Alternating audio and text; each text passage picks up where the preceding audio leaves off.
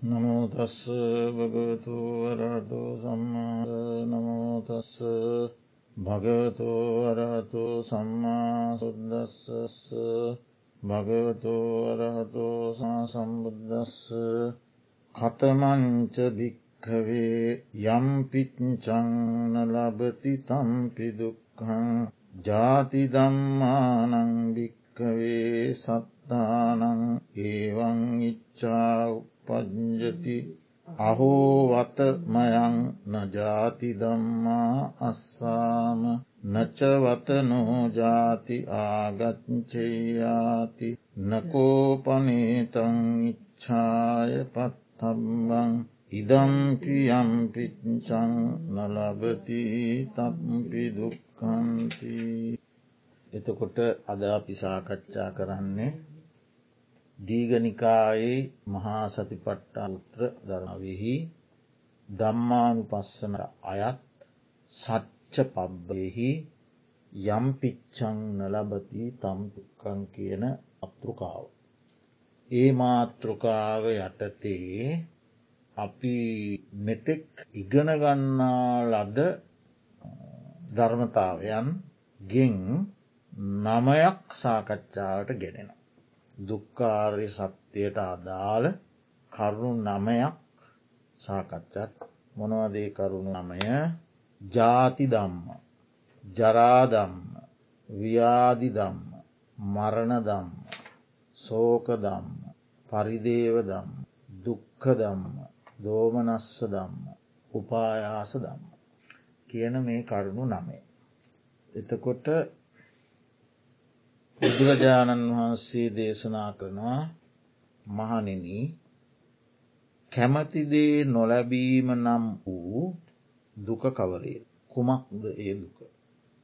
ජාති දම්මානං භික්කවේ සත්තානං ඒවන් ඉච්චා උපද්ජති. මහනෙන ඉපදීම ස්වභාවකොට ඇති සත්වයන් තුළ පුහුදුන් සත්වයන් මාර්ග පල නොල්බපු අශ්ෘතවත් පොතක්ජන සත්වයන්ට මේ විදිහ කැමැත්තක් ඇති ආශාවක් ඇතිවෙනවා. කුමන කැමැත්තක්ද අහෝ අපි ඉපදීම ස්වභාවකොට ඇත්තෝ නොවන්නේ නම් ඇන සරලුව කිවොත් අපි ඉපදින් නැත්නම්.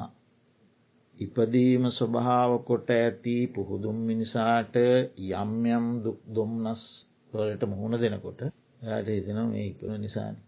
පදෙන් නැත්තම් පදෙන් නැත්තං කොච්චර හොඳද?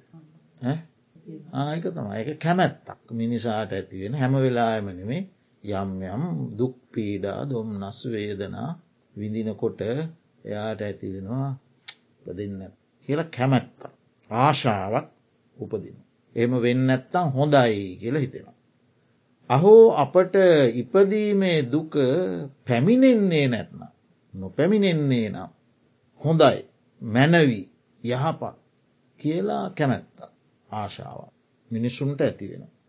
නමුත් මහනින ඉපදුන්නෑ කියලා ඉපදෙන්නෑ කියල ගැන නිවනනේ හරි එතකොට දැම් මෙයාගේ මේ ආශාව ඉපදෙන්නෑ ඉපදෙන් නැත්තම් හොඳයි ඒක නිවන එතෝට ඉපදෙන්නේ නෑ කියන ස්වභාවය එයා කැමති වුණාට එයා කැමති එයම වෙලාවල එහෙම කැමැත්තක් ඇතිවෙන ආශාවකුත් ඇතිවෙන.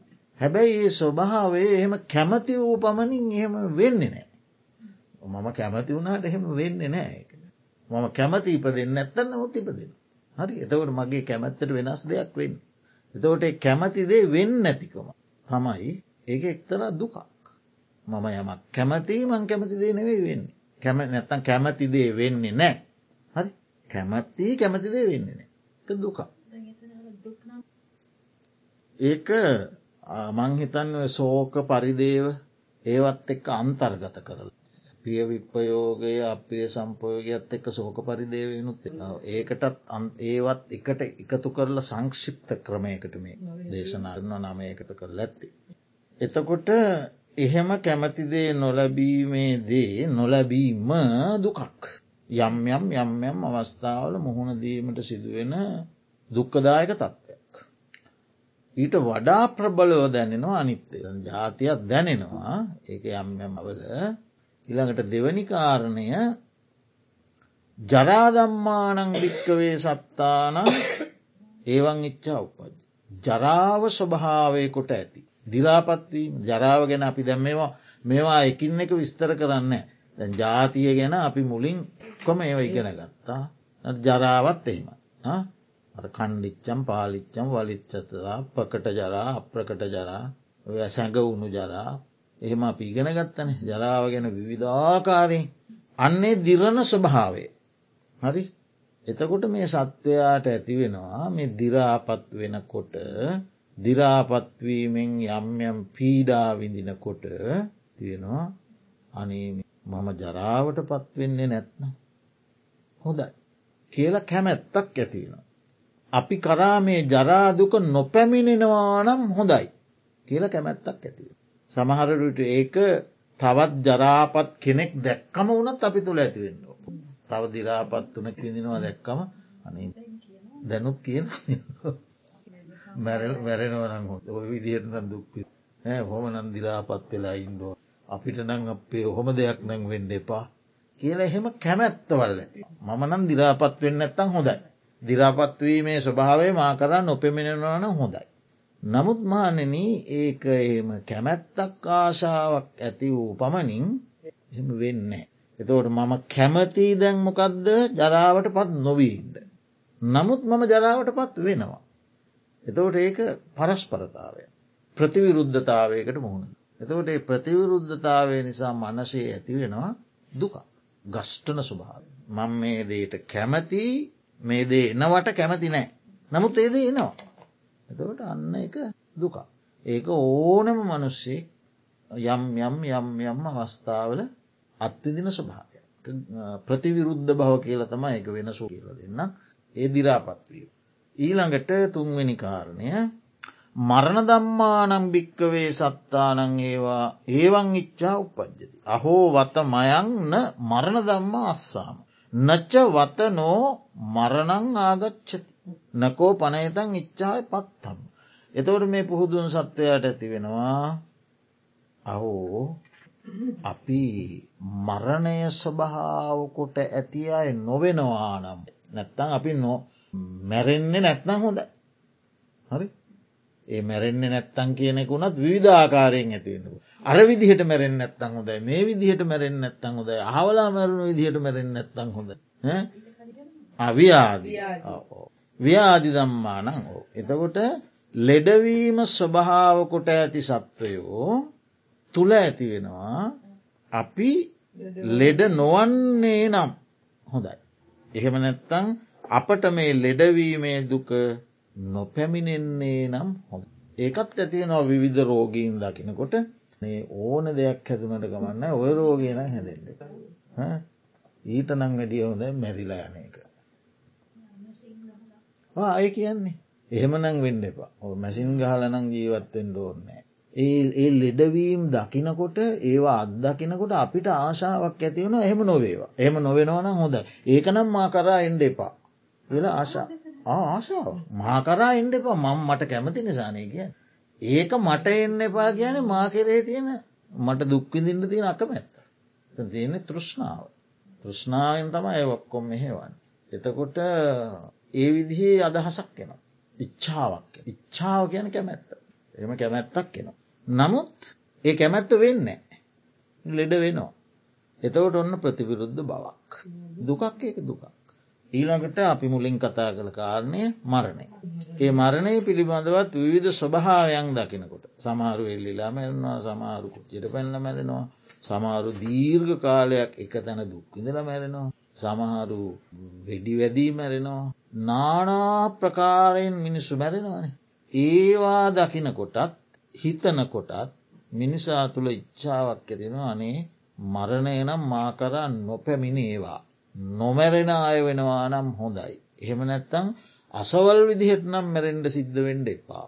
එ ඒ විදිහ නානා ප්‍රකාර අදහස් ඉච්ඡාවන් ඇතිවෙන.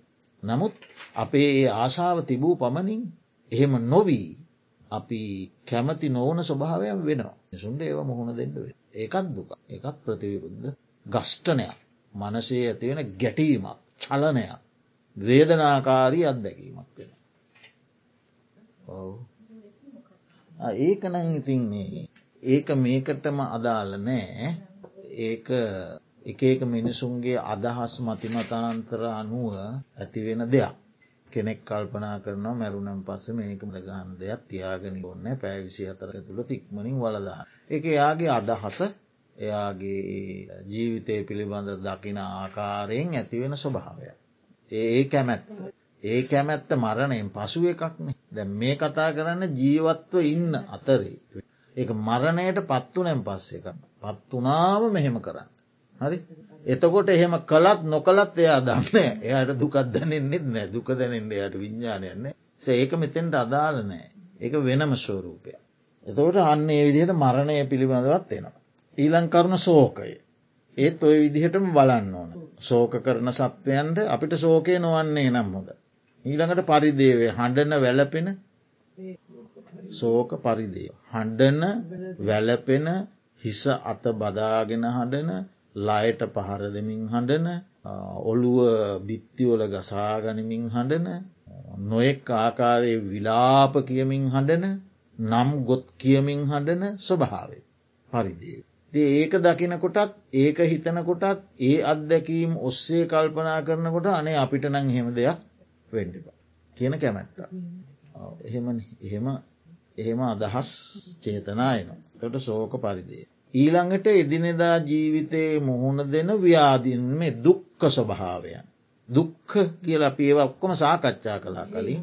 දුක්ක සාමාන්‍ය දුක. එදිනෙදා ජීවිතයේදී අපිට මුහුණ දෙන්ට සිදුවෙන සියලූම දුක්කේ වචන යටතේ ඇතුළත්. හරිද මානසික නෙමේ කායික. එදිනෙදා ජීවිතයේ මුහුණ දෙන්ඩ සිදුවෙන සියලූම කායික දුක්කයක්. එනකොට දකිනකොට අන්න අය විඳිනවා දකිනකොට අපිට ඇතිවෙනවා අපෝ ඒ අයම දුකක් නැන්න ඒක නම් මට අපිට එන්න එපා නොඒවා එදයි පැමිණෙන් නැත. ඉලාට දෝමනස්ස මානසික දොම්නස්. මිනිසු මනසින් තමන් මනසිම් දොම්නස් විදිනකොටත් අයනං මේ දොම්නස් නාවට කමක් නෑ. දැන් ආපියෙක් විදින අයනං එන්ඩපා. හරි ඒ නැත්ත අන්න අය දොම්නස් විදිනකොට ඒ දොම්නස් අපිට නං එන්ඩ පයි නැත්ත හොඳ ඒම නවා. ඊළඟට උපායාස. උපායාස ගැන අපි විසාදය කියල කතා කරේ. උපායාස ආතතියමුත් එහාගේ විසායාදය විසාදය ඒ කියන්නේ පරිදේවේදී හඬනවා කඳුළු හලනවා මේක සුසුම් හෙලනවා තතනනවා සුසුම් හෙලනවා බලාගත්තතේ බලාගෙන ඉන්නවා. ඇතුළත වියලීගේ සෝකය. ඇතුළත වියලීගේ සෝකේ සෝකය පිටට එන්න. සෝකය පිටට එන අවස්ථාව තමයි පරිදේවේ. සෝකය පිටට එනවා කඳුළුව අතපාදි ගන්න ඔරුවහම පිටට එනවා. පා විසාදයේදී උපායාසයේදී පිටට එන්නේ ඇතුළත වියලිලා ඕමින් හඩන්නෙත් නෑ කඳුළු වෙන්නෙත් නෑ. අපිට එන්ඩ දැන් කඳුළු නෑ කියන්න සමහරු ඒකටත් ඒකටත් එහාගිය එක බලාගත්තසේ බලාගෙන ඇතුළත සෝකයේ වේලිලාගේදී. ඔකට මං උපමාවකුත් කිවේ තෙල් හැලියක් ගැන. අන්නේ උපායාස ධර්මයනුත් එකවතාවක්කාවත් අයනං එන්ඩෙපා එන්නත්නම් හොඳයි.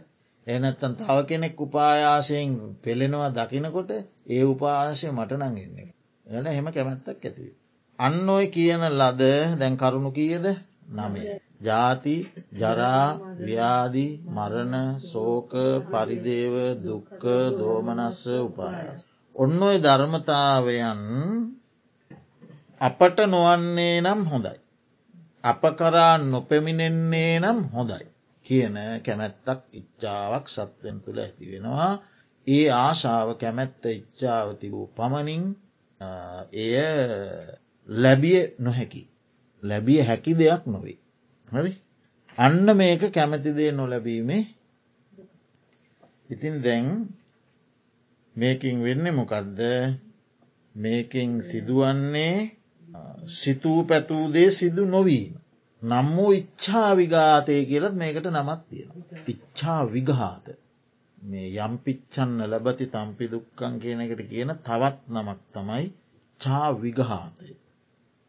එතකට දැ ඒ වචන දෙක අපි විග්‍රහ කර ගත්තොත් ඉච්චා කියන කැමැත්ත. විගාතය කියන්න ඉටු නොවීම නැසීම ඉටු නොවීම කියන්නත් පුළුවන් නැසීම කියන්නත් ඉච්ඡා විගහාත කැමැත්ත නැසීයා කැමැත්ත ඉටු නොවී. පැදිලි. තව සරලකරොත් සිතූ පැතූ දේ සිදු නොවී. එතකොට අනිත් දුක්කොල මෙන්ම මේකෙත් තියෙනව ලක්ෂණ හතරක් පීඩනයක් තියෙන. පීලන කියල පාලියෙන් කියන්නේ පීඩන ස්වභාවයක්. මේක හේතුන්ගෙන් හටගන්න දෙයක්. හේතුූන්ගෙන් හටගත්ත සංකත ස්වභාවයක්ති. පීඩන ස්වභාවයක් තියෙනවා සංකත ස්වභාවයක් තියෙන. ඊළඟට සන්තාප ස්වභාවයක් තිනවා. තවන දවන ස්වභාවයක් තියෙන. සන්තාප. ඊළඟට විපරිනාම ස්වභාවයක් තියෙන. වෙනස් වෙනස් යන තිබූ තත්වයෙන් අන්තත්වයකට පෙරලී යන ස්වභාවයක් තිය. ඒ හැම දුකකටම ඔය ලක්ෂණ හතර පොදුයි. දුක්කාර්ය ශක්තිය පුරාම ඔය ලක්ෂණ හතර තියෙනවා. පීඩනය හේතුවකින් හටගත් බව සංකත තවන දවන බව සන්තාප විපරිනාමයි. ඉතින් මේ මේ ඉච්චාවිගාතය හෙවත් යම් පිච්චන්න ලබති තම්පි දුක්කය තුළත් ඔය හතර තියෙන. එතකොට මෙන්න මේ ඉච්චා විගාතය අනේකාකාර වූ කායික මානසික දුක්වලට හේතුවෙන. මේක කැමතිදේ නොලැබීම හරිද අතන අප්‍රිය සම්පයෝගේ අකමැති දෙයක් ලැබීම. ප්‍රියවිප්‍රයෝගේ කැමැති දෙයක් මුලින්ම නැතිවීයාම වෙන්වීම. මේක නොලැබීම මේක සමාන ළඟළඟ ලක්ෂණ තියෙන. නමුත් ඉච්චා විගහත ගැන ඉච්චා ගැන කැමැත්ත විගාත කියන්න ඉටු නොවීම විනාශවී. ඉටු නොවීම හෝ විනාශවී. කැමැත්ත ඉටු නොවී. කැමැත්ත විනාශවී. සිතූ පැතුූදේ නොවීම. එතකොට මේක නොඒකුත් කායික මානසික දෝමනස්යන්ට හේතු. මේක ලක්ෂණය තමයි මේ ඉච්චාවිගාතය ලක්ෂණය නොලැබිය හැකි වස්තුූන් පතන නොලැබිය හැකි වස්තුූන් නෙම පතන්නේ නොයිපදේවා දිරාපත් නොවේවා ලෙඩ නොවේ නොමැරේවා නොමැරෙනවන දුක් නොඒවා දොම් නස්නවා සෝක නොවා පරිදේව නොවේ ඒව නොලැබිය හැකි වස්තු. අඩු වැඩි වශයෙන් හැමෝටම ලබන්ඩ වෙන හැමෝටම එක්ක විදිහටම ලැබෙන්න අඩු වැඩි වශයෙන් ලැබෙන. ඒ නොලැබිය හැකි වස්තුවක් පැතීම තමයි මේක ලක්ෂණය. ඒ ඒ වස්තුූන් සෙවීම තමයි මේක කාර්ය. ලක්ෂණය පැතීම සෙවීම කාර්ය. එහෙම දෙයක් සොයනවා. පැතීම ලක්ෂණය මේක ලක්ෂණය නොලැබිය හැකි දෙයක් පාර්ථනා කිරීම. ආර්ථනා. තමයි ලක්ෂණ මොකක්ද ඒ ලැබෙන දේත් අය එහෙම තමයි වේ. ඒ ලැබෙන දේ සමහරට අය අතෙන්දී අපි කියමු අපිට අපි නමුත් මේ නමුත් මේ ජාති දම්ම ජරාදම්ම ව්‍යාධි දම්ම ඒ වගේ යම් යම් ලැබීම් අවස්ථා මට මෙහෙම ලෙඩක් නං වෙන්ඩපා කිව්වට ඒ ලෙඩේ නොවෙන්ඩ පුළුවන්. නමුත් වෙන ලෙඩක් කෙන ඒ ලක්ෂණ තමයි තියෙන්නේ. එතකොට දැන් මේක නොලැබිය හැකි වස්තුවක් පාර්ථනා කරනවා ඒක තමයි මේක ලක්ෂණය ඒ නොලැබිය හැකි වස්තුවක් සොයනවා. ඒක තමයි මේක කරන කාර්ය ඒක තමයි ක්‍රියාව සොයනවා. ඒදේල් නොලැබීම තමයි මේක වැටහෙන මේක මෙහෙම දුකක් කියල වැටහෙන්න නොලැබී යන. සොයන දේ නොලැබී යනකොට එතකොට වැටහෙනවා මේක මේ දුකක්. ඒක තම වැටහෙන්නේ. ඉතින් මිනිසුන්ට මේ විදිහ කොච්චර බලාපොරොත්තු දස දහස් ලක්ෂ සංඛ්‍යාත බලාපොරොත්තු ජීවිතයක් කියන්න. ඒ බලාපොරොත්තු ලබනකොට සුවයක් සොන්නස. බලාපොරොතුන දේ ලැබෙනකොට මිනිසුන්ට සුවයක් සොම්නසක් ලැබෙන. බලාපොරොත්තුවය දෙන නොලැබීමෙන් මිනිසුන්ට පීඩාව දුකක් වේදනාවක් ලැබ. එතකොට බලාපොරොත්තු දේ ලැබීම නිසා සමහරට මිනිසා ඒ ලැබෙන දේ මත් වෙනවා. හරිද? මට ඔයා ඔයාලට වගේ මම් බලාපොරණ බොහෝ දේමට වෙනවා කියලා ඇකින් මත් වෙලා මමත්වය පෝෂණය. මාන්‍යය වඩනවා. හරි? දැ මිනිසු කියන් ඔහෙල්ලට වගෙන මට. නෑ ලෙඩ වෙන්න අනිත් දේවල් වුණත් ඔයා එහෙම ලෙඩ වෙන්න තියකත් කියන මිනිසු කියනවා. අනේ හාමුදුරෝ මටනම් හොම ලෙඩනෑ ඒ ඒකින් මිනිසු මමත්වය සක්කායදිට්ටිය ප්‍රබල ලෙස වර්ධනය කර ඒකින් අනිකා පහත් කොට සල් තමා උසස් කොට සල. එවිදිේ මදමාන්නය තෘෂ්නා අවිද්‍යා තමයි පෝෂණය කර. හරිද මම ලෙඩ වෙන කෙනෙක් කියලා හිතනවා වෙනුවට හෝ හිතන්නේ ඔයගොල්ලොන්ඩොල් ලෙඩුනාන මනං හොම ලෙඩවෙන්නේ. කියලා අවිද්‍යාත්මකෝ. ඒ සක්කාය දිට්ටිය මාන්නේ වඩනවා. එහෙම දේවලුත් මේක මේක ඇතුළේ තියෙනවා. නමුත් එයා හිතන්නෑ තමන් යම් බලාපොරොත්තුවක් වුණා එක තමන්ට ලැබුණා ඒ ලැබුණ දේ වෙනස් වෙන්න පුළුවන් කියන එක හිතන්නේ. ඒ ලැබුණ දේ මත් වෙලා ඒ ලැබෙන දේ තුළ තියෙන වෙනස්වීමේ ස්වභාවය විපරිනාමය අතහැරදා යන්ඩ වෙන බව ඒ පැත්තට යන්න ධර්මය පිළිබඳ වැටහීමක් නිසා ඒ තුළ මත් වෙලා. ඉතිං මේ දුක විශුද්ධි මාර්ගයේ විස්තර කරන්නේ ගාථාවලින් හිතන් ඒකත් විභංග ප්‍රකණරණෙන් ඇරන් තමයි බුද්ධගෝසාම්ද විස්තර කරන්නේ. තන්තං පත්තය මානානං තස්ස තස්ස අලාභතු යංවිගාතමයං දුක්හං සත්තානං ඉදජායති අලබ්බනෙයවත්තුනං පත්තනා තස්සකාරණා යස්මා තස්මාජිනෝ දුක්කං ඉච්චිතාලාභ මබ්‍රවී එක තේරුම මේ ලෝකයේ ඒ ඒ ඒ ඒ වස්තුූන් පතන්නා වූ හරි පාර්ථනා කරන්නා වූ සත්වයන්ට. ඒ ඒ වස්තු නොලද කල්ලි නොලද කල්ලි ලැබෙන් නැති කල්හි චිත්ත පීඩාව උපදවන්නාව. යම් කායික දුක්ඛයක් උපදීද. චිත්ත පීඩාවත් උපදවමින් යම් කායික දුක්කයකුත් උපදීද. නොලැබූ වස්තුූන් පැතීම ඒ කාරණය චෛතසික දුක් දොම්නස් උපදවන්නේ වේද. එහෙයින් බුදුරජාණන් වහන්සේ විසින් කැමතිදේ නොලබීම දුකයයි වදාන ලදී. ඒ කියන්නේ මේ ලෝකයේ ඒ ඒ වස්තුූන් පතන්නාව සත්වයන්න. හරිද ඒ සත්වයන්ට ඒ වස්තුූන් නොලැබුණාම චිත්ත පීඩා ඇති. ඒත් එක්කම කායක දුක් උපදින. එනිසා ඒ නොලැබූ වස්තුූන් පැතීමත් ඒ කායික චෛතස්ක දුක්දුම්නස් ඉපදවීමටත් කරුණු වූ මේ කැමැතිදේ නොලැබීම නම් වූ දුක බුදුරජාණන් වහන්සේ දුක්කාර්ය සත්‍යයට ඇතුළත් කොට වදාළ. කැමති වෙනවා පාර්ථනා කරනවා ඉටුවෙන්නේ නෑ නොලැබෙනවා ඒ තුළින් කායක දුක් කටගන්නවා චෛතසිකු කටග. එතකොට ඒ කායික දුක්සා චෛතසික් සටගණ්ඩ හේතු උනේ මේ කැමැතිදේ නොලැබීම. ඒ නිසා බුදුරජ වහන්සේ මේක දුක් උපදවන දෙයක් නිසා දුකාර්ය සත්‍යයට ඇතුළත් කරා කියනක ගාථාවලින් විභංග ප්‍රකරණේ දාතා අරගෙන බුද්ධ ගෝස හඳුරු ඉදිරිපත් කරන්න.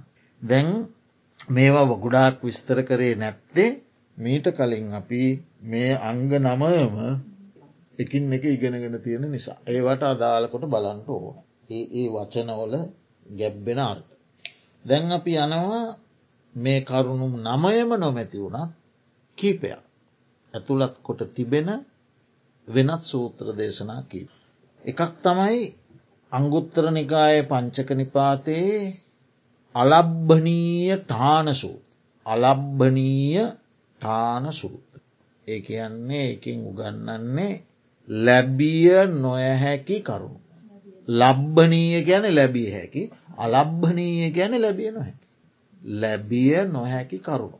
ගැන බුදුරජාණන් වහන්සේ කරන ලදී ගැන්වී. සැවැත් නෝර ජේතවනා රාමයේදී. භික්‍ෂූන් වහන්සේලාට දේශනා කළ. මහනිනී මේ ලෝකයේ තියෙනවා අලබ්බනීයටාන වස්තු කරුණු නොලැබිය හැකි කරුණු හතර පහක් පහක් තිය. ඔන්න එතන පහක් වූ. අපි අර ඉගෙන ගත්ත කරුණු නමයෙන් මෙතන තුනක් ති මේ පහ ඇතුළද. අනි දෙකත් ඒවට අදාළ කරන්න මොනවද එක ජරාව දිරාපත්. දිරාපත්වීම කියන එක දිරාපත් නොවේවා කියන එක ලබන්න බෑ. ජරාදම්මං මා නජීරති. දිරණ මා නොදිරාවා කියනක ලබන්න බෑ. දැන් දිරණමා නොදිරාවා කියන එකනේ කැමැත්ත. ඒක තමයි මේ අර ඉච්චාවිගාතය ඉච්ඡාව තියෙන්නේ මොකක්ද කැමැත්ත තියෙන්නේ නොදිරාවාකි. නමුත් ඒක ලබන්ඩ බෑ. දිරණමා නොදිරාවා කියනක ලබන්ඩ හරි? නොලබේවා කියල පාර්ථන දිරන්ඩ එපා. පාර්ථන ඒක ලබන්න. ඊළඟට ව්‍යාධි දම්මං මා ව්‍යාධීති ලෙඩ වෙන මා ලෙඩ නොවේවා ලැබිය නොහැ. ලෙඩ වෙනවා හවල් ලෙඩේ කියල ස්තීරෝ කියන්න බෑ එක ඒක සත්වයන්ට අඩු වැඩි වශයෙන් ලෙඩ වෙනවා. ඊළඟට මරණ දම්මම්මා මීයති. මැරෙන මා නොමැරේවා. ඔය වචනත් විස්තර කරන්න කලින් ගෙනගෙන තියෙනවා වචනවලාර්ථ නොමැරේවා එක නොලැබිය හැකි. ඊළඟට ජාති නෑ ජාති නෑ මෙතන. ජරා ව්‍යාදී මරණ. එතකොට ඊළඟට කය දම්මම්මා කී ඇති. මෙ ෂය වෙලා යන දේවා. ෂය වෙනවා ෂණයක් පාශා නැති. ෂය වෙනවා. ෂය වෙන එක බොහෝම විදර්ශනාවට අයිති කරුණ ෂය වෙනවා. මේ මොහොතේම ෂය වෙන ෂය වෙන සමුදය වය වය වය. සමුදයවයි කිය එතන වය හටගෙන හටගෙන නැසිය නැසී යනවන්න මේ ෂය වීය දැ ෂය රෝගය කියලා කිය මේ ඔක්කොම ෂය කරලදාන්න එකට සිංහලෙන් මොකක්ද කය දම්ම කය දම්ම තමයි පාලිය. සිංහල ඉතින් ෂය ෂය වෙනවාගේ ඔව. නැත්ති වෙනවා කියන එකටත් වෙන වචන ඇත්තිය නැති නැති වෙනවා කියන එක එකට කියන නස්සන දම්ම කියෙන නස්නා ධර්ම. නැසී යනවා කියන ඒ නැසීයෑමයි ෂයවීමයි අතර බොහොම ළඟ කිට්ටු සම්බන්ධතාවයක් තියෙනවා. නමුත් ඒක විදර්ශනාවෙන් තමයි ඒක විදර්ශනාවට තම හසු වෙන්නේ ෂයවී යනවා කයදම්ම වයදම්ම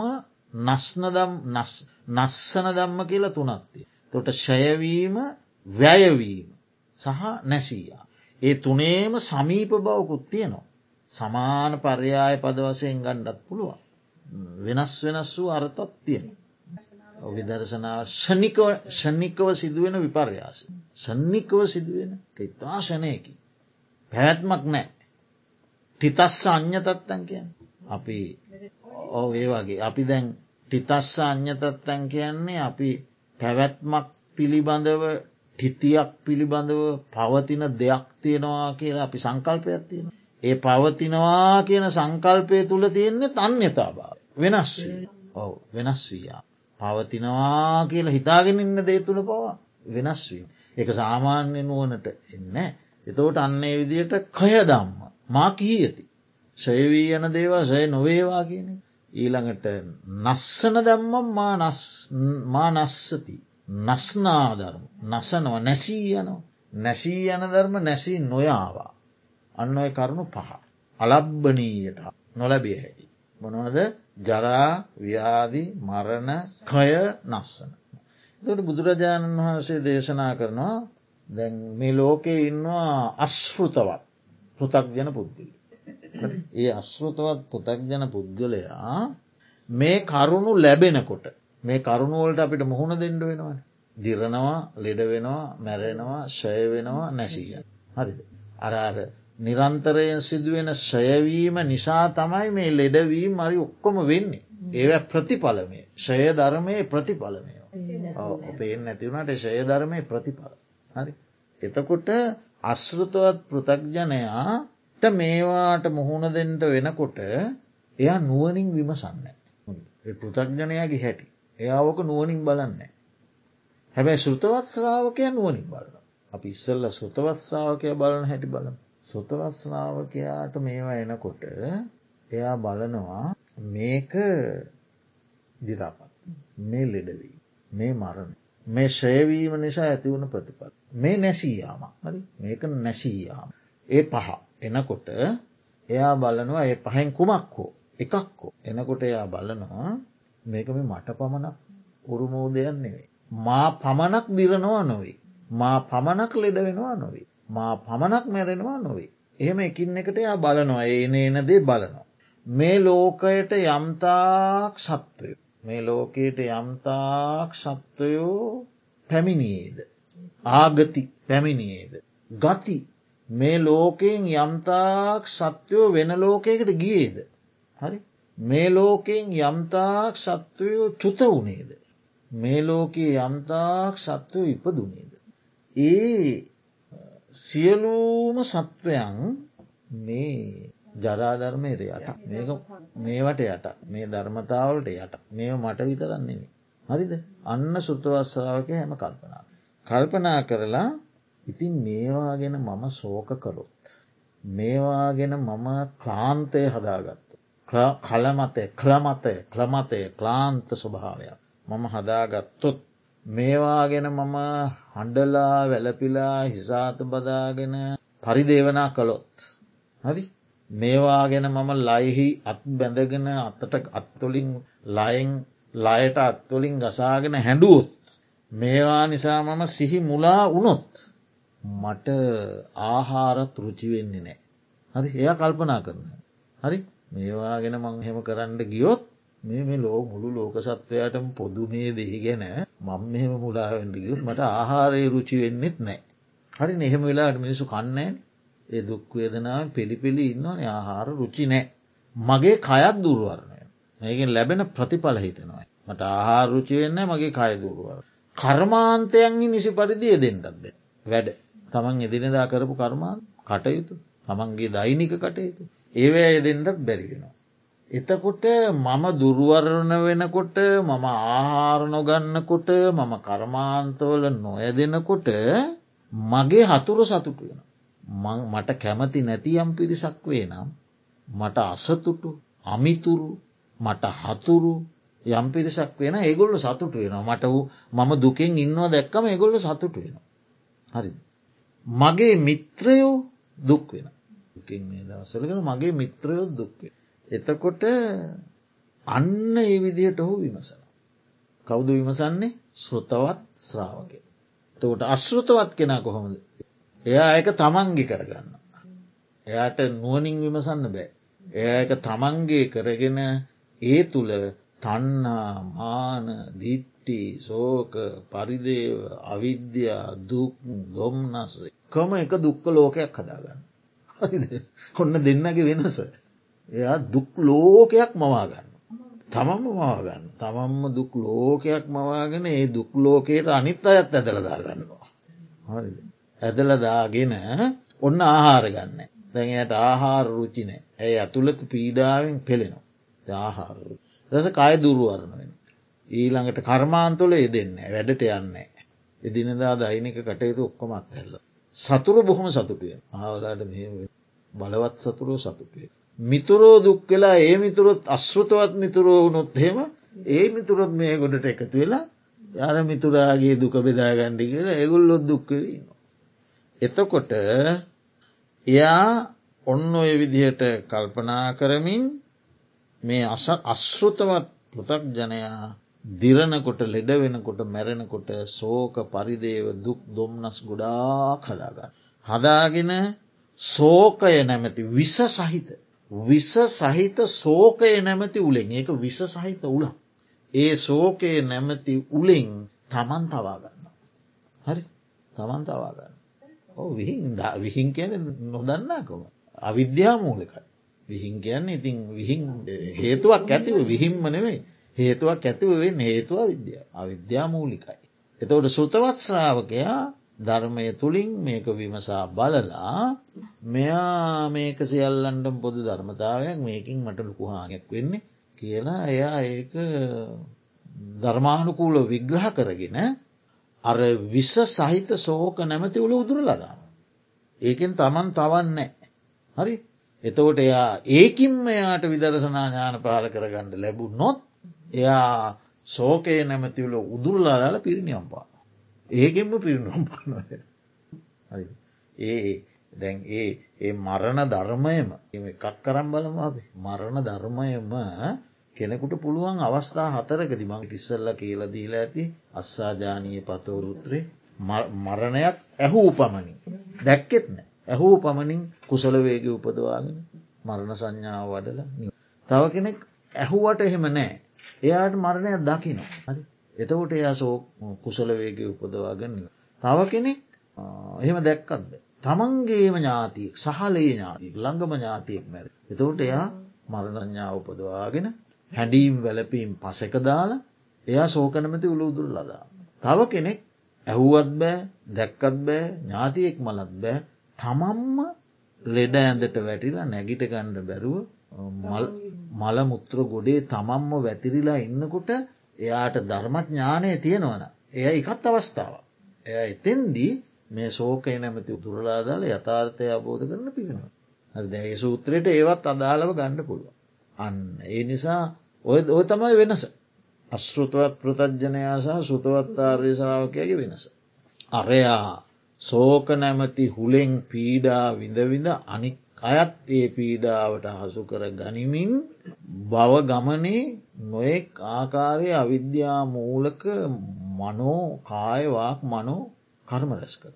ඇයි වුණේ නානා ප්‍රකාර පැතිවලින් එයා සක්කාය දිට්ටිය තන්නාමාදී ක්‍රේෂයන් බොඩමින් බවගමන පැත්තට යන. සුතවත් ශ්‍රාවකය ඒකම පාදක් කරගෙන උල උදුරලාදාල පිරි දාන්දරන බොහොම වටින. ඊළඟට තව තියෙන සූත්‍ර දේශනාවක් අංගුත්තරනිකාය චතුක්ක නිපාතේ පාටි බහෝග සූත්. අරක ලබ්බනීයටහාන මේක පාටිබෝග. පාටිබෝග ගැන ඇපවෙන්ඩ බෑ කියන එක. ඇපවෙන්ඩ බෑ කරුණුහට එතන තියෙන කරුණු හතර. ඒ හතරට ඇප වෙන්ඩ බෑ කියන. ඒ මොනවද ජරාදම්මම් මා ජරායති. ජරාවට පත්වෙන මා නොදිරාව දිරන්ඩ එපා. ජරාවට පත්වෙන මා දිරන්ට එපා. නැත්තං උඹ දිරන්ඩ එපා. කියල කාටුවත් ඇප වෙන්ඩ බෑ. ශ්‍රමණයකුට ඇප වෙන්ඩ බෑ බ්‍රාහ්මණයකුට ඇප වෙන්ඩ බෑ දෙවියකුට ඇප වෙන්ඩ බෑ මාරයකුට ඇප වෙන්ඩ බෑ බමුණෙකුට ඇප වෙන්ඩ බෑ වෙනත් ලෝ කිසිවෙකුටුවත් ඇප වෙන්ඩ බෑ. ඔ පොරුන් ඇප වෙනවා. ඔය ඔයා වෙනුවට මම වෙන්න ඇප වෙන්න ඇප වෙන්නේ. හරි. ඇප වෙන්න බෑ. ඔය දිරන්න එපා.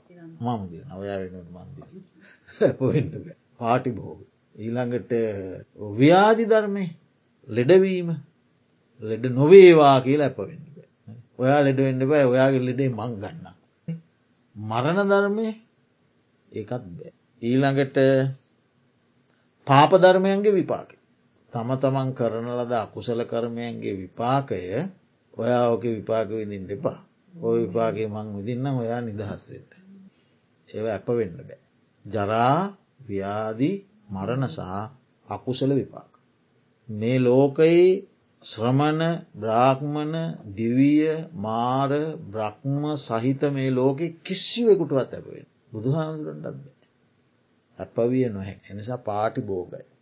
ඊළඟට ඔහටම අදාළ තව සූත්‍රයක් තියෙනවා මේ මතක් වුණ අංගුත්තරනිකාය තික නිපාතයේ නිපාතයේ අමාත පුත්තික සූත්‍ර. ඒකේ ලෝකයේ එනවා ලෝකයේ තියෙනවා ලෝකය අතර විශ්වාසයක් තියෙනවා අම්මට පුතා නැති කරන. පුතාට අම්ම නැති කර. අම්මට පුතා නැති කරන පුතාට අම්මා නැති කරන ධර්මතා තුනක් පිළිබඳ ලෝකයේ විශ්වාසය. මොකක්දේ තුන මහා ජල ගැල්මක් කෙන. මහා ජලගල්මක් ඇවිල්ල ප්‍රදේශ පිටින් විනා. හරි විනාස වී යනකොට එතෙන්දී අම්මට පුතා නැති. පුතාට අම්ම නැති. ලෝක විශ්වාසය ලෝකය අතර මතයක්. හරිද. ඊළඟට මහා ගින්නකින් ලොව දැවෙනවා. ලැව්ගිනි ආදී ගිනි හටගෙන ගම් නියංගම් පිටින් දවනෝ. අතන මහා ජල ගැල්මකින් ගම් නියංගම් යට කරනවා. සුනාමිකීමකෝ ගංවතුරකීමකෝ ඒ වගේ වයෙන් ඇත්තම් මහා දින හතා අට වහින වැස්සකින් ජලයකින් ගම් නියම් ගම් යට කරනකට අම්මට පුතා නැතිවෙන පුතාට අම්මන. එක්ක මරණයෙන් නැතිවෙනවා එක්ක ඔවුනොවුන් වෙන වෙන වෙන වෙන හිස් ලූලුවත දුව යනවනේ වැම්බේරෙන් එක එක දිසාවලට දුවයෑමෙන් අතරමඟ එහෙම නැතිව. ලෝක ලෝක සම්මත ඇතු ලැව්ගිනිවලින් ගම්නියම් ගම් දාවනකොටත් එහෙම. ඊළඟට කඩපලා සොර ඒඇන නොයෙක් සොර සතුරු ආක්‍රමණ සොර කල්ලියක් ඇවිල්ල ත්‍රස්තවාදී කල්ලියක් කියම යුද්ධ ඒ ත්‍රස්ත කල්ලියක් සොර කල්ලියක් ඇවිල්ල ගම් නියම්ගංවල කපල කොටලා මරලදානකොට අම්මට පුතා නැතිවෙන පුතාට අම්මන. ඒ කාල ඒ කාල සමාජයේ තිබුණ අදහසක්. අද තියනවා ඒ කාලෙ තිබුණ අදහසක් මේ කරුණු තුනෙන් අම්මට පුතා නැතින පුතාට අම්මන. එකට කියනවා අග්ගි බය උදක බය සහ චෝර බය. ආමුදුර දේශන මහනින්. ඒ අශ්ෘතුවත් පුතක්ජනයා කියන ඒ බය තුනේ අම්මට පුතා නැති වෙන්ඩත් පුළුවන් නැති නොවෙන්ඩත් පුළුව. නැති වෙන්ඩත් පුළුවන් නැති නොවෙන්ඩත්. හරි සමහවිට නැති වුණ කෙනාය හම්බ වෙන්ඩත් පුළුව. බුදුහාදරන්ගේ අදහස් හයි හම්බෙන්ඩත් නැති නොවෙන්ට නමුත් මානනගේ ලෝකයේ තියෙනවා අම්මට පුතා නැත් ප්‍රධාන බයතුනා. ඒ තම ජරාදම්ම ව්‍යා ඒ ධර්මතා තුනින්නම් නැති කරු. අප වෙන්නත් බෑ. මගේ අම්මා නොදිරාවා මංගේ වෙනුවට දිරන්න. පුතෙකුට ඇප වෙන්නට අම්ම වෙනුවට මන්දිර අම්ම හොමින් අම්මා ලෙඩ නොවේවා මං අම්ම වෙනුවට ලෙඩ වෙනවා. අම්මා නොමැරේව මං අම්ම. ඒවා ඔන්න ඇප නොවිය හැකි ප්‍රධාන බයතුනක් අර අස්සුතුවත් පුතජනයාගේ බයතුනට වඩා ප්‍රබල. අරව වෙන්ඩ පුළුවන් නොවෙන්නතු. අන්න එකට අමාත පුත්තික සූත්‍රය කියන. ඊළඟට තියෙනවා සූත්‍ර දේශනාවක්. සෝක සල්ල හරණ කියල. එකන් මොකද සිංහල තේරුම සෝකය නැමති උල උදුරන. ඒක අර අලබ්බනීයටාන සූත්‍රයම ඒ කරුණුම නොලැබිය හැකි කරුණු පහක් අපි කිව්ව. ඒ පහම යම්කිසි අර මුලින් අපි ඉගෙන ගත්ත අලබ්බනීයටාන සූත්‍රයේ බුදුරජාණන් වහන්සේ රිජුවම භික්‍ෂූන් වහන්සේලාටන දේශනා. ඔවෂය නස්න ධර්ම ඒ පහ ජරාව්‍යාදි මරණ සෝක නස්න නස්සන නෑ ජරාව්‍යාදි මරණ කය නස්සන දම්ම පහ. ඒ පහ හරි පුදුම සිද්ධියක් අවස්ථාවක සිදු වූ දේශනාවත්තම මේ සෝක සල්ල. අරක සිදුවීමක් නැතුව බුදු හාන්දුරුනා කළා සැවැත්නුවරදි උන්වහන්සේ සංවේගේ ජනිත කරන්න. මේක සිද්ධියක් නම වෙනස් කරුණු පහ එකයි. මොකදද ඒ කාලේ පැලලුක් පැලලුක් නුවර කුක්කුටාරාමය පැලලුක් නුවර කුක්කුටාරාම කියන විහාරස්ථානයේ නාරද මහරහතන් වහන්සේ වැඩහිටිය.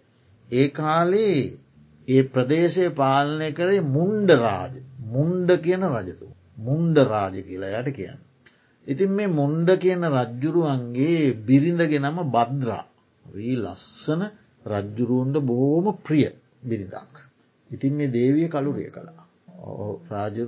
රජ්ජුරුවන්ට මේක දරන්න බෑ. ඊට පස්සේ රජ්ජුරුවෝ පියක කියන ඇමතියාට කිව්වා ඇමතියා හෝම හිතවත් ඇමතියෙක් හිටිය පියක. දැන් රජ්ජුරුවෝ කෑම කන්නේ. ආහාර රුචිකුන්ට සෝකයේ වැඩි අර පරිදේව තත්වයට ඇවිල්ල බරපතල සෝකයෙන් පෙරෙන ආහාරන්නේ සර් රජ්ජුරෝ දුරුවරණ වෙලා කරමාන්තෝල යොදවන්න මිනිස්සු රජ කෙනෙකුට ගොඩාක් වගකම් තියෙන ඒවා අතහැරල දාලා ඇස පියකට කතා කරලා කිව්වා යකඩ දෙනක් යකඩ ඔරුවක් හදලා මේ දේහේ බොහෝ කාලයක් තබාගණ්ඩ පුළුවන් විදියට තෙල් ගල්වලා ඒ යකට දෙනේ තැන්පත්.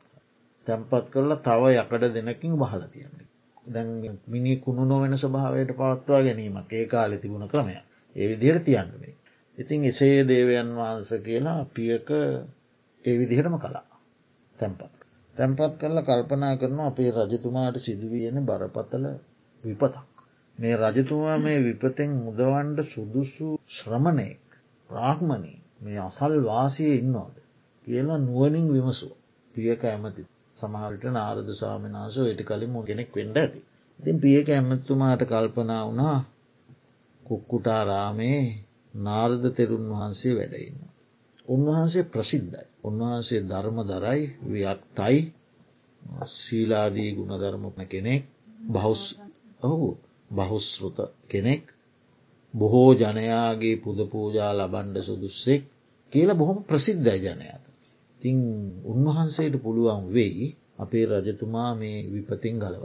කියලා ගිහිල්ල රජතුමාට බොහෝම සමීපෝ ඉඳගෙන මේ කරුණ මතක් කර. අගේ සෝකය දුක වේාව පීඩාව දුරු කරන්න අපේ නාරද තෙරුන් වහන්සේට හැකියාව ලැබේ.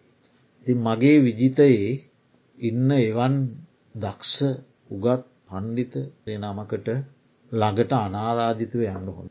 ඒ නිසා ඔබ ගිහිල්ලා අපේ පැමිණීම මතක් කර. එකට වෙලාවක් කාලයක් දැනගන්න. ඉටවස පියක ඇමතියා ගිහිල්ලා නාරද ස්වාමීන් වන්සේ මුණ ගැහිලා රජතුමා තත් වෙලා තිබෙනේ තත්ත්වය මතක්. මතක් කලා මේ ස්වාමින්න කිව්ව අමතුමනි ඔබට ඒ සඳහා යම් මොහොතක් සුදුසුද. ඒ සුදුසු කාලය ඔබ දැනගන්න. එකන මම ඕන වෙලාවක කැමති කියෙන. ඔබ ඒ රජතුමා සමඟ පැමිණීමට යම් මොහොතක් ඔබ දන්නේ නම් ඒ මොහොත යොදාගන්න. ඉට පස්සේ ඇමතිතුමා ගිල්ල රජතුට මේ කරුණු මතක් කලාම සොඳුරු යානාවක්ක දන්නකිව යන්සේ ඇමතිතුමා යානාව උදානම් කළ රජ්ජුරෝ යානාහිල්ල ආරාමයට මදක් දුරින් යාතර කරලා ටස යානා බැහැල පියවි ගමනින්ම ආරාමයට හිල්ල ස්වාමීන් වහන්සේ මුණගෙවුණ. මුණගෙවුනම ඉතින් නාරද ස්වාමීන් වහන්සේ සතුටු සාමීචී කතාවක යෙදෙන් ඇති. එහෙම යෙදිලා ඊට පස්සේ ඔන්න අර කරුණු ටික දේශනා. රජතුමනි මේ ලෝකයේ ජරාධර්මය නොදිරාවා ව්‍යාධි ධර්මය ලෙඩ නොවේවා මරණ ධර්මයට පත්වනම නොමැරේවා ෂයවන ධර්මයක් තියෙන මාශ්‍රය නොවේවා නස්නාධර්මයෝ නොනස්සාවා කියලා එහෙම ලැබිය නොහැකි කරුණු පහ ඒ පහ. ඉතින් මේ ඒවා නිසා යම් සෝකයක් ඇති වෙන. යම් පරිදේවයක් හැඩීමක් වැලපීමක් දුකක් දොම්නසක් ඇති කර ගන්නවා නම් එයින් ඉතාම අල්ප වූ අර්ථයක්වත් ලැබෙන්නේ.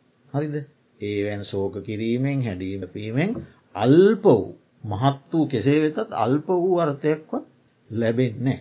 ඒකින් වෙන්න මොකක්ද අර මුලින් කියපු කරුණු ටික. ඒකින් වෙන්නේ දුරුවරණ වෙන. ආහාරරු ඉනති වෙනවා පසමිතුරටු වෙනවා තුරෝ අසතුට වෙනවා මිතුරෝ දුක් වෙනවා. ඒකෙන් තමන්ට වෙන්න හානිය. අල්ප වුවත් අර්ථයක් ලැබෙන්නේ නෑ. ඉතිං මෙන්න මේ කරුණු කාරණා දන්න. මේ විදියට සලකා බලන්ඩ දන්න කෙනාට කියන පණ්ඩිතය. හරිද. අන්නේ පණ්ඩිතයා මෙවැනි කාරණාවලදි සැලෙන්නේ නෑකිව. තොට අස්සුතුවත් පුදජ්ජනය තමයි සැලෙන්නේ. එ අපි කොතනද කියලා තේරුම් ගන්න බොහොම හොඳ තැම්බේ.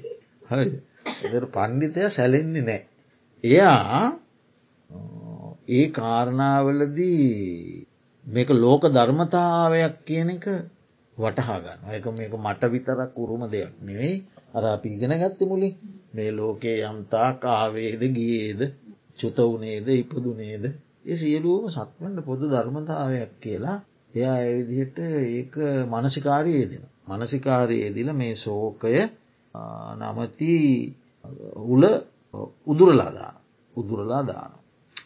ඒ නිසා මහරජතුමනි මේවා ලෝක ධර්මතා ඒ නිසා මෙවැනි යම් යම් යම් දුක් විපත්වලට මිනිසා ඒ වගෙන් හඬනවා වෙලපෙනවා වෙනුවට ඒ ඒ තැනදී කළ යුතු දේ කරනවා පණ්ඩි හරිද ලෙඩ වෙනකොට ව්‍යාදිය ඇතිෙනකොට දිරණකොට ඒ ඒ තැනට සුදුසු ක්‍රාමාර්ගයද.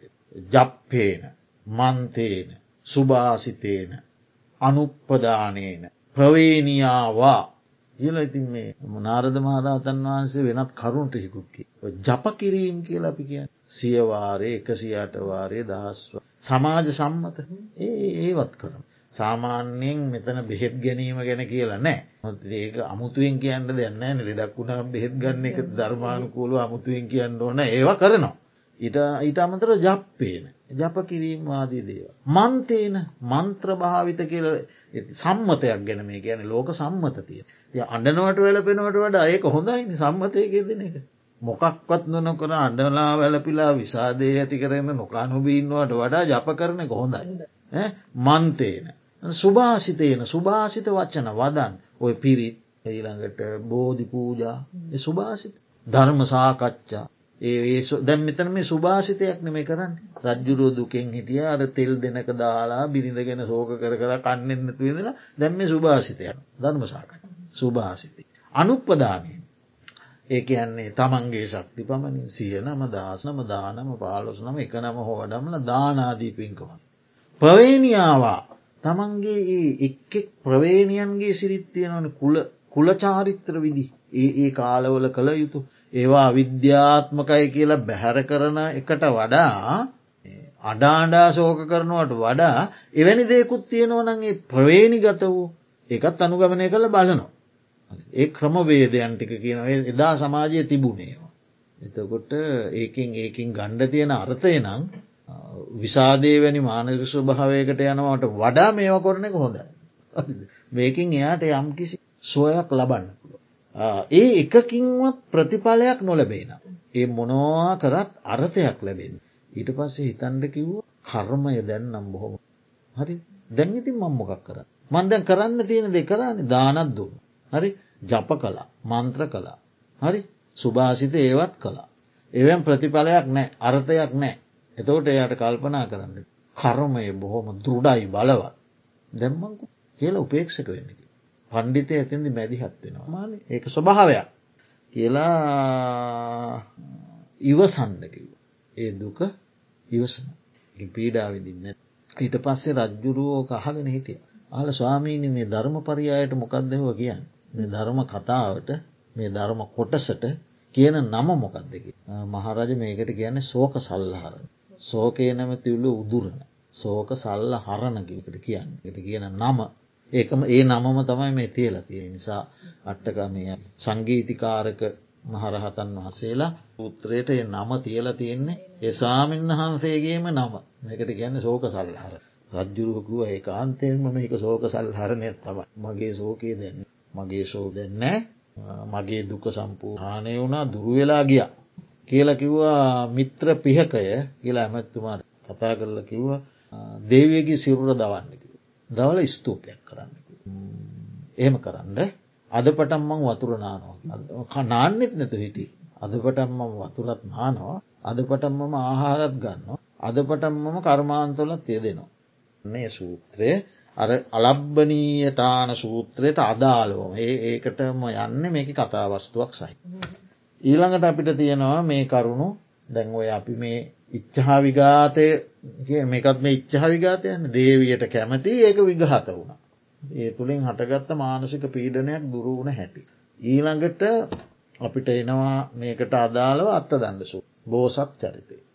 බෝසතාණන් වන්සේ බුද්ධත්වය වෙලා රෝහිණී ගගේ නදයේ ජලයට සටන් වෙදුනන ශස්ත්‍රිය වන්සිකයොයි වන්සේ කෝලී වන්සික ඒ සටන් වදින තැනට මේ ගගේ වතුරට හිකට.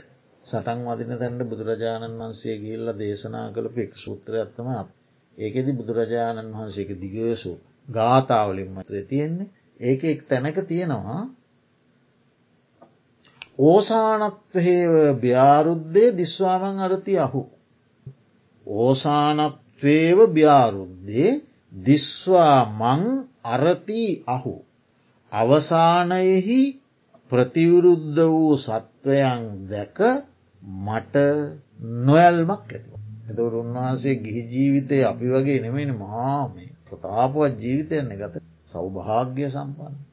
ඒ උපරිම සැප සම්පත්තිඳපු ජීවිතයක් ගත කරත් මට ඒව ගැන නොයල්මක් ඇති ඒවා ඇල්මක් නෑ ප්‍රිය බවක් ආශාව කැමැත්තක් ඒවා සුන්දර වශයෙන්ද මොකක් නිසා. ඕසානත්වය ්‍යාරුද්ධි.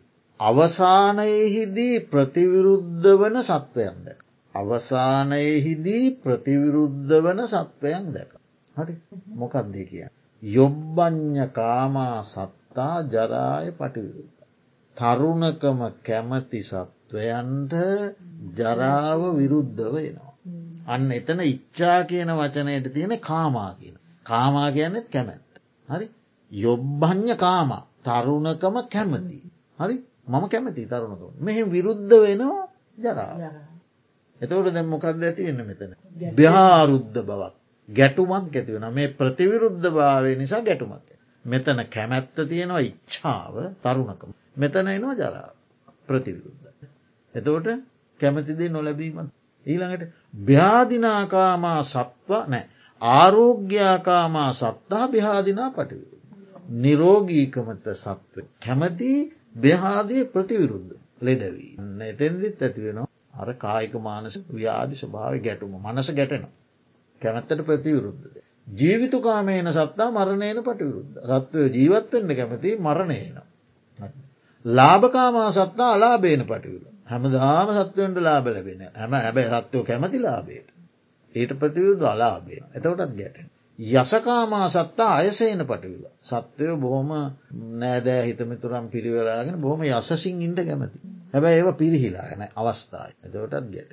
ප්‍රසංසාකාමා සත්තා නින්දහය පටිවිරු. ප්‍රහන්සාාව හැමදාම එන්නේ. ඒකට කැමති. ඇබැ ඊට විරුද්ධ නින්දාවත්වෙනවා. එතවට ගැටෙනවා. ඇයි මට මේ නින්දාවන්නේ. ඊළඟට සුකකාමා සත්තා දුක්කේන පට. සැපයට කැමති සත්වයන්ට හැම වෙලාම සැපතියෙන දුක ප්‍රතිවිරුද්ධවේ. අන්න ප්‍රශ්නී. අත්ත දන්න ගාතා මට මත හැටිය දාසයක්ද දාසයටත් වැඩිද එයින්ම පද දෙකක් මගේ. එතකොට බුදුරජාණන් වහන්සේ මේ බෝසත් අවදේති දකිින් ගිහිජීවිත ඉන්න බෝසත් චින්තනය ඔය. ඉතින් එදා බුදු වෙලා දේශනා කරනවට ගංගාව අල්ලගෙන යුදවදින දෙන්නන් දෙගොල්ලන්න නෑදෑයනි සූත්‍රයේදී ඔන්න ඔහොම දෙයක්. ඒක දැක්කම මට මේ වුණේ නොයල්වා. මොකක් දෙද ඇලෙන්න්න දේසු මේ ප්‍රතිවිරුද්ධතාවයගෙන හැමදාවන්න හරි? මට ඇල්මක්. ගිහි ජීවිතය අත්හැරලයන්න හේතු. ඒතවට කොච්චර මේ පැත්තිරුණු බුද්ධියක් තිබිලති ගිහි කාලෙම. ඒවට අර මහල්ලෙක් ලෙඩෙක් මළමිනියෙක් පැවිද්දෙක් දැකීම ඊට අවශ්‍ය පසුබිම සකස් වුනා ඒත් එක්කම චින්තන රටාව මුල්ලු මනින්ම මුල්ලු මනින්ම තිබූ චින්තනය සම්පූර්ණ වෙනස් වෙලා ඒත් එක්ක තම බුද්ධකාරක ධර්ම බෝසත් දහම් මතුවවී මතුවවී මතුවවේ ඔස්සේ මනසිකාරය දෙනකොට ඉතින් ගේ ජීවිතය අත්හැල්ලගිය මොනතරම් සැප සම්පත් තිබ්බ ආන එතනත් ඔය කාමා කියනකින් කියන්නේ කැමැත්ත. අතන ඉච්චා මෙතන තියෙන කැමැත්තට ප්‍රතිවිරුද්ධ. එනිසා මේ දුකක් තමයිති. ඒ අතරතුරේ සැපත් තියෙනවා ඉති ඒකත් වෙනස. දැම් මේ ධර්ශනික මේ දුක ඇතුළේ දුක ඇතුළේ ඉන්න අප මේ අතරතුරේ ලබන නිරෝගී සැප ලබනවා මිය නෑද හිතමිත එකතු වන සැප ඒ විවිධාකාර සැප තියෙනවා ඇත්තිනෑ හැබැයි සැපයන්ගේ ස්වභාවයක් විපරිනාම එක නිසා ගැඹුරු අර්ථය දර්ශනික අර්ථයෙන් ගත්තම් මේක දුක ඇතුළට තමයි අයිති වෙන්නේ. සැප සැප කියල කියන්නේ සොම්නස් වේදනාව දුක කියන්නේ දුම්නස්වේ. එතෝට සොම්නස් වේදනාව අපි යමක් ලැබීමෙන් ලබන සතුට සොම්නස් වේදනාව කියනක නොපවතින දෙයක්. විපරිනාමයක්. ඒ නිසා සොම්නස සොම්නස අයිති වන්නෙත් ඒ නිසා සැබෑ පැත්තෙන් ගත්තම දුකට. ඒ නිසානි බුදුහාන්දුර දේශනාවන සුකවේදනාව දුක් වශයෙන් දකිින්ට දුක්වේදනාව හුල් වසයෙන් දකිින් අදුක්කම සුකවේදනාව අනිත්‍ය වසයෙන්. සුකවේදනාව දුක් වසයෙන් දකින්නකිව සුකවේදනාව සුකයක් නැතිකම නිසානෙමේ සුකය වෙනස්වීමක් තිය. දුක් ඉතින් ඒ නිසා මේකත් ඉතින් බොහෝම ජීවිතයට බොහෝම සමීප ආර්ය සත්‍යය අද දවසය ඉගෙන ගත්තා. ඉතින් මේ තුළින් උපදවාගත්ත කුසල ශක්තිය අපටත් අප නමින් පරලෝ සැපතා කියන දහසින් පින් අනුමු ආකා සට්ටා ජුබුම් මට්ටා දේවානාගාමයි